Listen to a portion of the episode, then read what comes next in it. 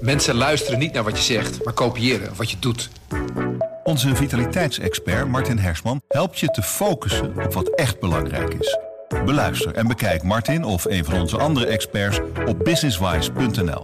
Businesswise, het nieuwe platform voor iedereen met ambitie. Kijk eens naar de glimlach op haar gezicht. Natuurlijk, de lach is voorzichtig, maar de 17-jarige Daisy is zo blij. Blij met hulphond Flip, die haar een deel van haar vrijheid teruggeeft. En de 35-jarige Carola uit Apeldoorn, die wil zo graag hetzelfde.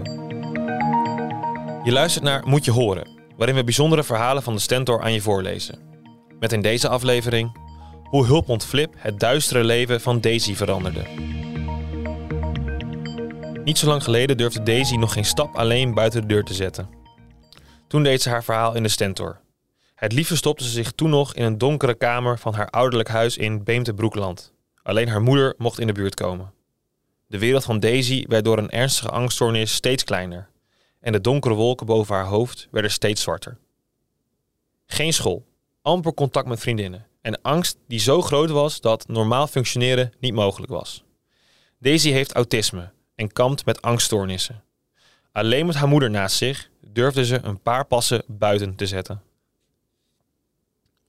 Een hulphond zou meer zelfvertrouwen en afleiding betekenen. En er ook voor zorgen dat paniekaanvallen niet de overhand nemen. Hoewel daar volgens de overheid nog geen wetenschappelijk bewijs voor is en daarmee geen landelijke of gemeentelijke vergoeding, zijn er al wel succesverhalen te vertellen. Daisy is één van die succesverhalen. Want met hulphond Flip, die ze aanschafte dankzij een succesvolle crowdfunding, schijnt de zon weer een klein beetje vaker in haar leven. Het gaat goed, zegt ze overtuigend. Sinds ik Flip heb, durf ik veel meer. Ik ga de deur weer uit, spreek weer met vriendinnen af en ga binnenkort weer starten met school. En dat is te danken aan de nu 10 maanden oude Flip, een golden doodle, die nog wel veel moet leren. Daisy gaat verder. Ik train hem met hulp van de organisatie Hoe Honden Helpen. Ik heb mijn handen vol aan hem. Het is één grote afleiding nu. Maar als hij klaar is, krijgt hij de juiste certificering. Mijn leven is enorm veranderd. Met enige hoop hoort Carola uit Apeldoorn het verhaal van Daisy aan. Carola is een 35-jarige moeder van twee jonge kinderen en zij kampt al sinds zeer jonge leeftijd met complexe PTSS. Dat is een posttraumatisch stresssyndroom. Dat liep ze op door traumatische ervaringen in haar jeugd, door veel geweld in huis en misbruik. Carola leefde in een gezin met een ernstig psychisch zieke moeder, die regelmatig opgenomen werd in een GGZ-kliniek, en een vader met alcoholisme. Over die tijd vertelt ze: Op jonge leeftijd was ik geen kind meer, maar zorgde ik regelmatig voor het gezin. Dat was voor mij normaal. Ik wist niet beter. Om zichzelf en de mensen om haar heen te beschermen, treedt ze niet verder in details. Maar nog steeds worstelt Carola met haar leven. En dat heeft niet alleen invloed op haarzelf, maar ook op haar omgeving. Als jong meisje kwam Carola al in pleeggezinnen terecht, maar daar kon ze niet goed aarden.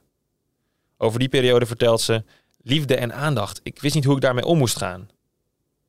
Na crisisopvang en andere gezinnen besloot ze op zichzelf te gaan wonen. Ze was toen pas 16 jaar. Vrij snel leerde ze haar huidige partner kennen en ging samenwonen.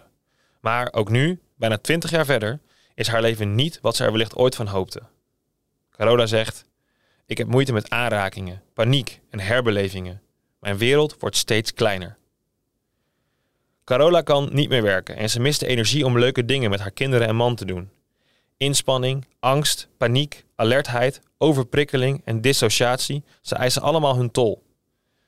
En Carola legt uit: Elke inspanning wreekt zich. Ik kan enorm intens reageren op onverwachte prikkels. Al 15 jaar krijg ik therapie en medicatie. Ooit wil Carola weer langs het sportveld staan, bij haar kinderen. Of leuke dingen doen met haar gezin. Zonder angst. En ze hoopt dat een hulphond ook haar kan helpen. Dit is haar noodkreet.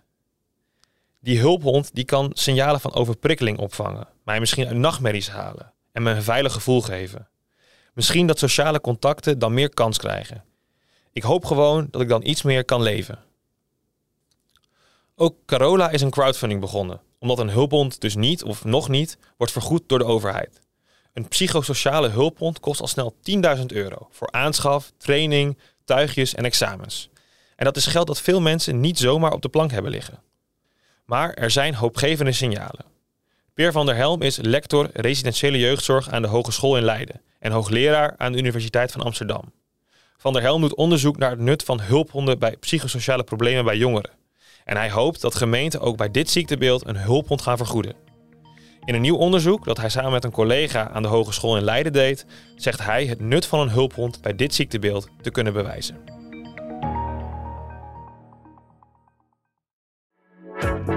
Mensen luisteren niet naar wat je zegt, maar kopiëren wat je doet. Onze vitaliteitsexpert Martin Hersman helpt je te focussen op wat echt belangrijk is. Beluister en bekijk Martin of een van onze andere experts op businesswise.nl. Businesswise, het nieuwe platform voor iedereen met ambitie.